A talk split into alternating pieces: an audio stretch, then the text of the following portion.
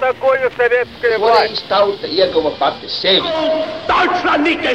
Liktenīgas nejaušības un slēptas likumsakarības, subjektīvas patiesības un objektīvi aizspriedumi.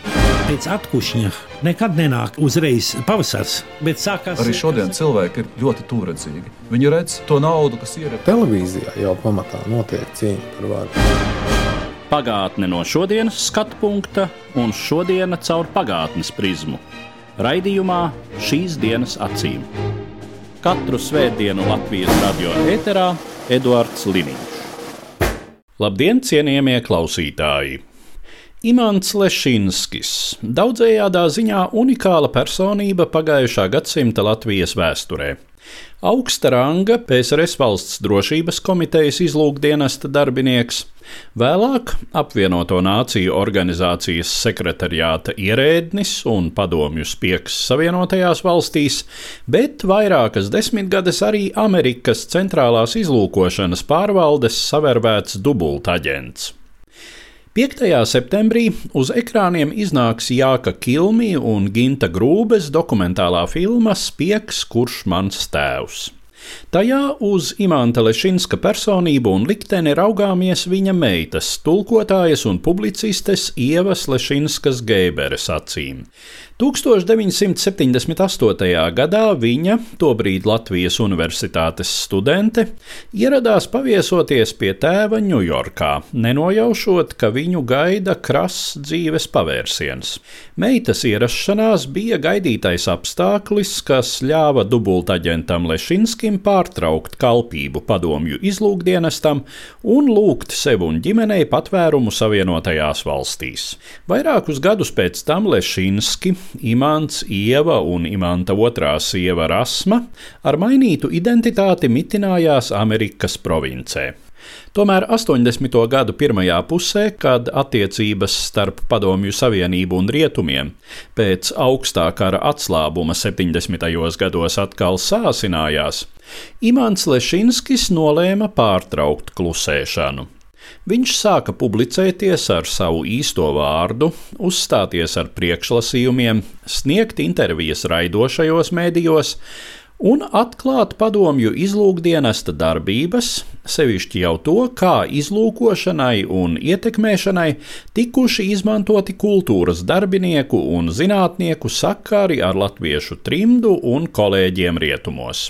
Pēc visas spriežot, Imanta Lešinska iznākšana atklātībā bija viņa paša iniciatīva, par kuru viņa amerikāņu aizbildņi netuvu nebija sajūsmā, baidoties, ka padomju spēcdienesti darīs visu, lai viņu apklusinātu, nevairoties arī no slepkavības. Kas bija tās atklāsmes, kuras tolaik no Imanta Lešinska mutes uzklausīja latviešu trimda un arī plašāka sabiedrība brīvajā pasaulē? Filmas Spiegs, kurš mans tēvs veidotāji nodeva manā rīcībā vairākus vēsturiskus ierakstus, kuru fragmentus šodien piedāvāju jūsu uzmanībai. Vispirms fragmenti no Radio Brīvā Eiropa latviešu redakcijas materiāla, kas tapis 1983. gadā, kad Imants Lešinskis ar priekšlasījumiem uzstājās vairākās Rietumēropas valstīs. Atgādinām, ka Lišinskis savā laikā bija kultūras sakaru komitejas priekšsēdētājs Rīgā, dzimtenes balss redaktors un beidzot padomju diplomāts apvienoto nāciju organizācijā Ņujorkā. Piedāvājam jums noklausīties Elmāra Sūnas interviju ar Imantu Lešinski.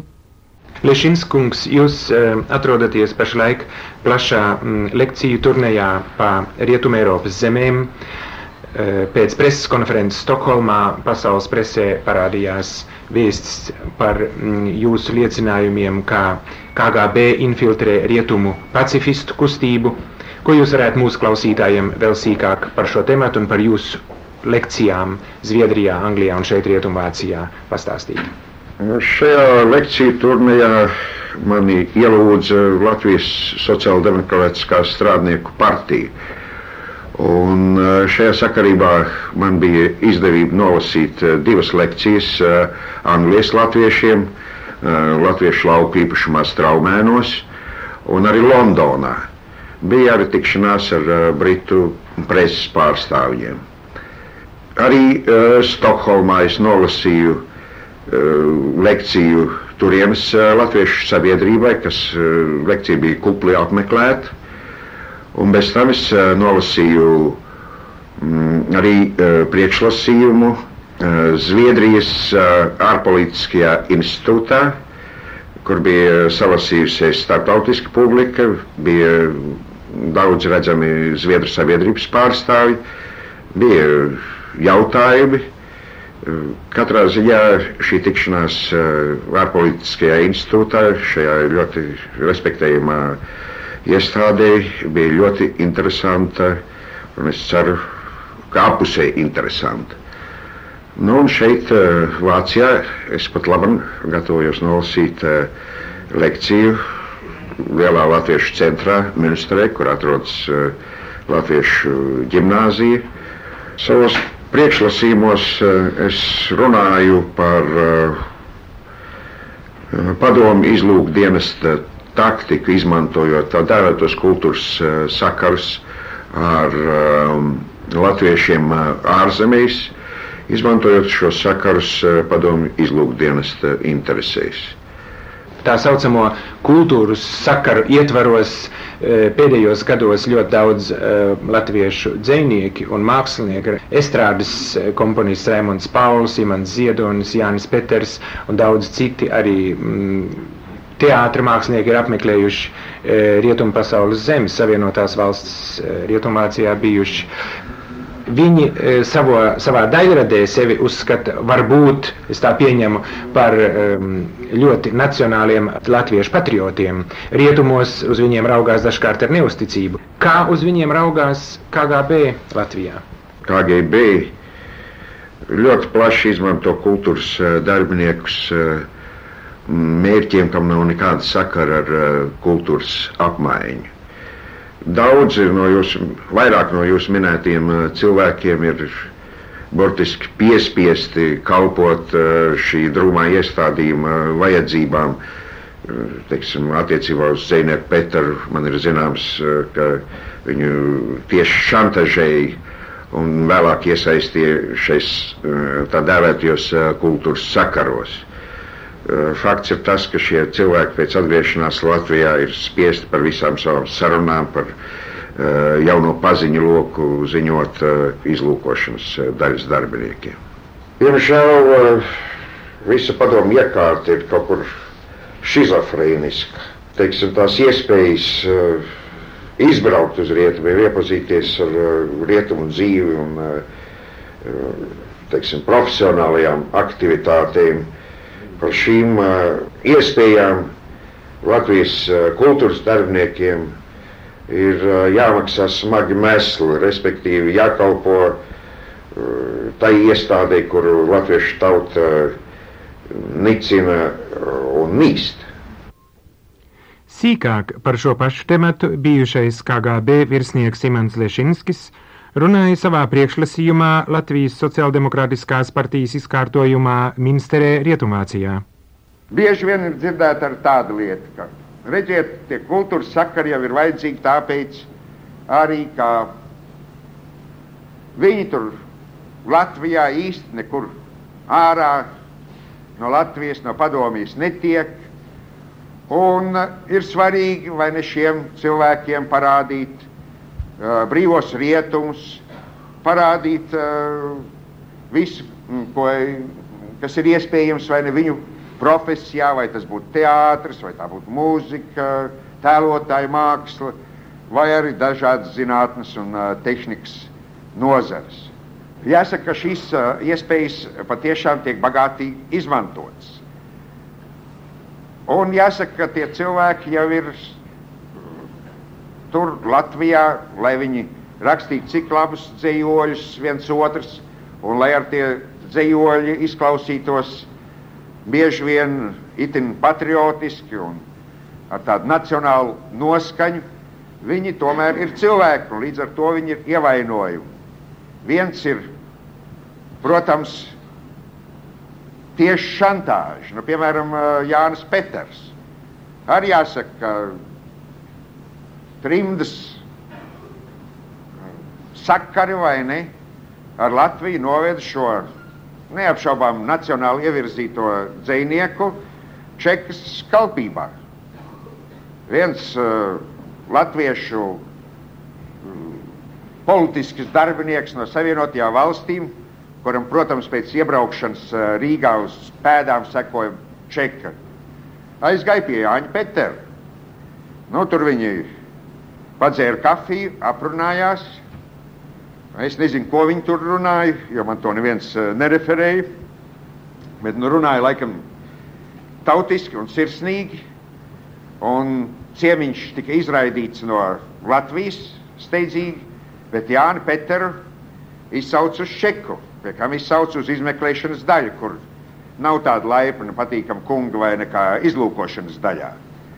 Tur ir tāda vai nekas, ja viņiem atļautu, atkal maukt nagus. Nu, katrā ziņā dzīvnieka vai ne vārā dvēseli to visu neizturēja, un uh, Jānis Peters uh, nebija gadījums pat uh, Latvijas uh, rakstnieku savienības vēsturē. Rakstnieku partijas uh, uh, sapulcē svinīgi pateicās uh, Latvijas PSR valsts drošības komitejas orgāniem, kas viņu atmodinājuši un izglābuši no maldiem.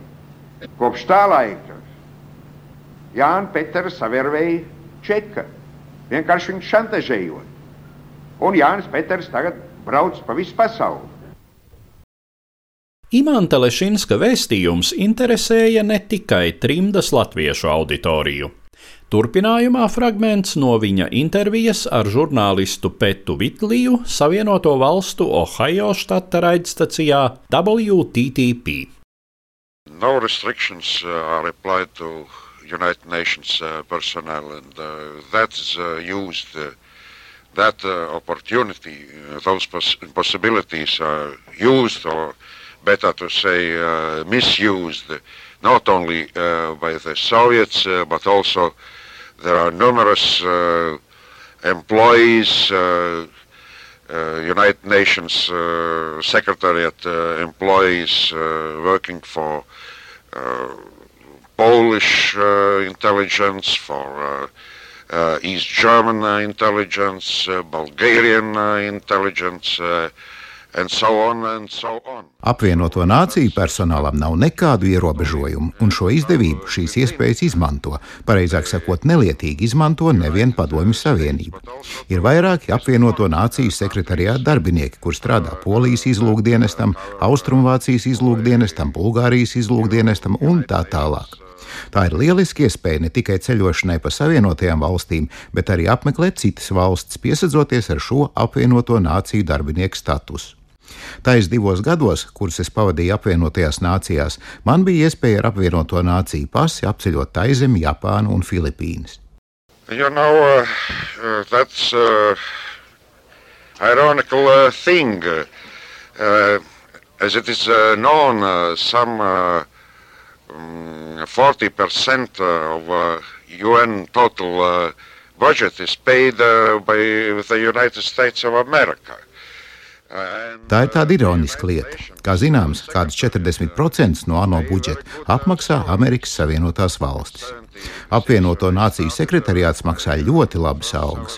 1976. gadā, kad es sāku šeit strādāt, mana alga bija 30 000 dolāru gadā, kas 76. gadā bija ļoti laba nauda. Taču padomju pārstāvniecība Ņujorkā man ļāva paturēt tikai kādus 900 dolārus mēnesī. Visu pārējo man, tāpat kā visiem citiem sekretariāta padomju darbiniekiem, bija skaidrā naudā jānogādā un jāiemaksā pārstāvniecības kasē. Tātad nekādas kontrolas, jo nenotiek nekāda čeku apmaiņa. Un es ļoti labi zinu, ka šie līdzekļi tiek izmantot, lai maksātu KGB Amerikā savarvētajiem aģentiem, lai dzirdinātu un barotu vajadzīgās personas, potenciālos vervējumos. Tātad amerikāņu nodokļu maksātājs maksā par šīs valsts graušanu. Turpinājumā žurnālists jautā, bet kā padomju emisāri vervē savus aģentus Amerikā? Kādi ir tie motīvi, kas liek Savienoto valstu pilsonim uzsākt sadarbību ar KGB? Uh, part of them uh, know what they are doing, but uh, as I was trained in Moscow in uh, the late uh, 50s, I underwent uh, a two year uh, training course uh, as an intelligence uh, officer. The Soviets uh, also operate on, under false, false colors. Let's say Daļa no viņiem zina, ko dara, bet, kad 50. gada otrajā pusē es Maskavā tika apmācīts divus gadus ilgos izlūkdienestu virsnieku kursos, mēs apguvām, ka padomju dienesti vienmēr izmanto neīstu identitāti. Teiksim, personai tiek teikts, ka tā strādā Franču izlūkdienestam, Rietumvācu izlūkdienestam, Britu izlūkdienestam. Viņš pat nezina, ka strādā KGB, un tad, kad viņš vai viņa sāk saprast, ka nestrādā kādam rietumu izlūkdienestam, bet gan padomju izlūkošanai, parasti jau ir par vēlu. Persona jau ir iesaistīta nopietnos likuma pārkāpumos, valsts nodevībā.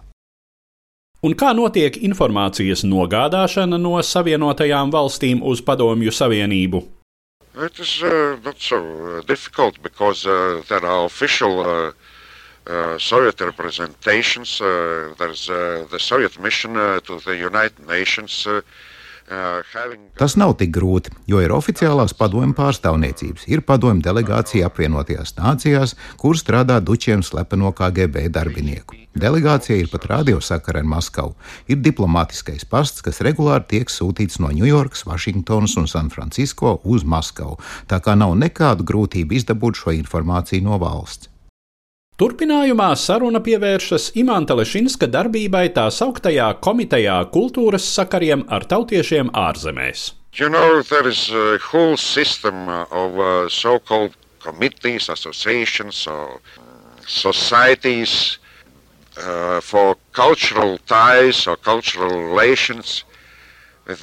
Ziniet, pastāv vesela šāda kultūras sakaru komiteja, savienība vai biedrības sistēma. Teiksim, sakariem ar ārzemju latviešiem. Tāda pat organizācija darbojas Igaunijas kopienā brīvajā pasaulē. Ļoti liela šāda organizācija darbojas pret armēņu kopienu. Tādas komitejas pastāv arī Ukrajinā, Baltkrievijā. Faktiski tās ir KGB nodaļas, tās piesaka organizācijas. To galvenā interese ir graut šīs etniskās kopienas, kas dzīvo dažādās rietumu pasaules valstīs. Tās publicē savus žurnālus un laikrakstus, tās izplatīja dažādu dezinformāciju šajās trimdas sabiedrībās, tās organizē dažādas izstādes, filmu sēnes, un tās cenšas izveidot tādas ļaužu grupas, kuras uzaicināt pie sevis kā privātus viesus padomju darbiniekus, starp kuriem ir KGB virsnieki. Šajā gadījumā šie KGB ļaudis var brīvi ceļot pa visu valsti. Un ir diezgan ironiski, ka šos ceļojumus apmaksā trimdas kopienas. Ironically enough, uh, their trips uh, are paid uh, by uh, the exile communities. Viens no Imanta Lešinska pieturas punktiem 1983. gadā apbraukājot Eiropu bija Stokholma. Šeit tapis ieraksts saruna ar Zviedrijā dzīvojošo latviešu vēsturnieku un publicistu Uldi Ģērmani.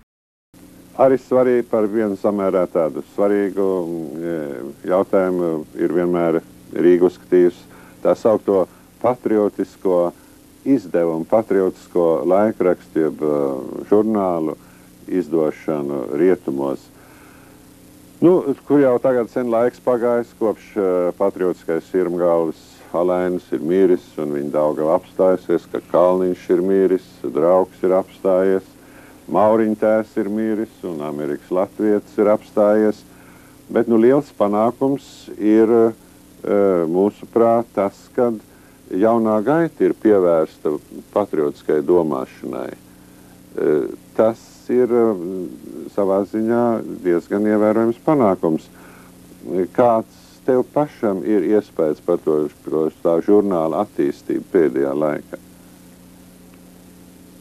Jā, nu jaunās gaitas attīstība arī kaut kur uh, varbūt simptomātiska.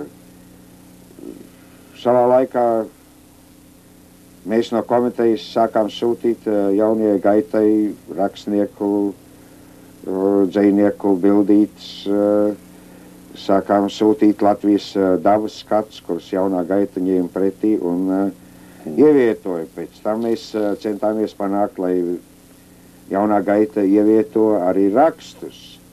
Nu, manā laikā tas uh, vēl netika panākts, bet nu, es ar uh, zinām tādu uh, pārsteigumu izlasīju, ka tiksim, jaunajā gaitā bija ievietots uh,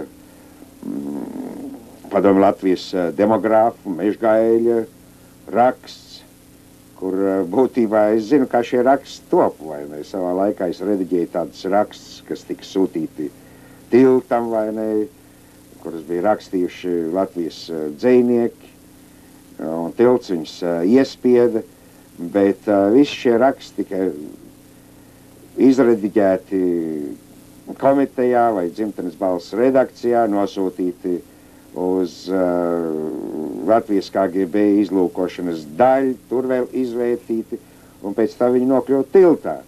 Es nedomāju, ka, piemēram, uh, kādi raksti jaunajai gaitai varētu tikt iesūtīti citā veidā. Tas ir normālais mm. ceļš, un nav saprotams, uh, ko, piemēram, viens uh, brīvās pasaules latviešu izdevums var gaidīt no cilvēkiem, kas sēž okupētajā Rīgā, kuri vai nu var kļūt par atklātiem disidentiem un zaudēt savu darbu, sabiedrisko stāvokli un nokļūt varbūt arī padomju spaidu darbu nometnēs. Vai arī viņi spiesti runāt sava kunga balsī tiešām man nav saprotams, ko sagaida no šiem cilvēkiem Latvijā un ko viņi vispār var izteikties. E, tu minēji savā referātā arī dažas interesantas lietas par to, kā tiek, kā Rīgas kultkoms piesaista savās sekcijās tās augtos kultūras aktīvistus, vēlākos arī kultūras sūtņus uz ārzemēm. Un e, to vidū ir tiešām redzami kultūras darbinieki, dzinieki, kā šos cilvēkus, kas tomēr jādomā savā sirdī, taču ir uh, latvieši, nacionāli jūt, un viņu dzējās ir atspoguļojies arī zināms nacionālisms, bet viņi tomēr ir iesaistīti šai, uh, šajās aktivitātēs. Parastais ceļš jau ir tāds, ka uh, patiešām prominentus uh, kultūras darbiniekus mākslas pārstāvis uzaicina darboties komitejas sekcijās. Vispirms, protams, viņus izveida Latvijas čeka, izdara attiecīgas pārbaudas, šo sarakstu apstiprina mm, Latvijas KGB izlūkošanas daļa un caurskata arī partijas centrāla komitejas kultūras un starptautisko sakaru eh, daļas eh, darbinieki. Nu, un eh, tā šie cilvēki iekļūst attiecīgajā mm, komitejas orbītā, sāk piedalīties, tiek uzaicināti piedalīties, tikties ar turistu grupām un tikties ar uzaicinātiem kultūras darbiniekiem, no, kas iebraukuši no brīvās pasaules. Nu, un šeit viņu darbība šo sekciju locekļu darbība atkal tiek novērota, uh, izvērtēta. Šie sekciju locekļi uzņem arī saraksti. Visas uh, viņu vēstules, cik ir interesanti. Man liekas, to teiksim, uh, vienam rietumniekam ir ārkārtīgi grūti pat saprast. Ka, piemēram, Iman, Imants Ziedonis raksta nu, teiksim, kādai dzēniecei, kādā brīvās pasaules zemē. Un viņš paklausīgi nes savu vēstuli. Lešīnski viņš nesa. Varbūt viņš tagad nes, un es pārliecināts, nes šo vēstuli liepam. Un tā tālāk. Lešīnsks vai ar liepa vai vienalga, kas tur tajā krēslā sēdētu, dod šim tautas dzēniekam pamācības, ko un kā rakstīt.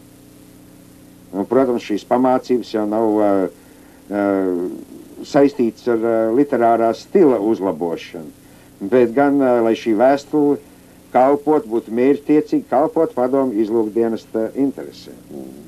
Mēs drusku brīnījāmies, kā izdevās Imants Ziedonis ir pratis uh, faktiski ilgi saglabāt tādu zināmu uh, patstāvību un, uh, varētu teikt, balansēt tur uz tās šaurās vīrus, kāda nu Latvijā ir.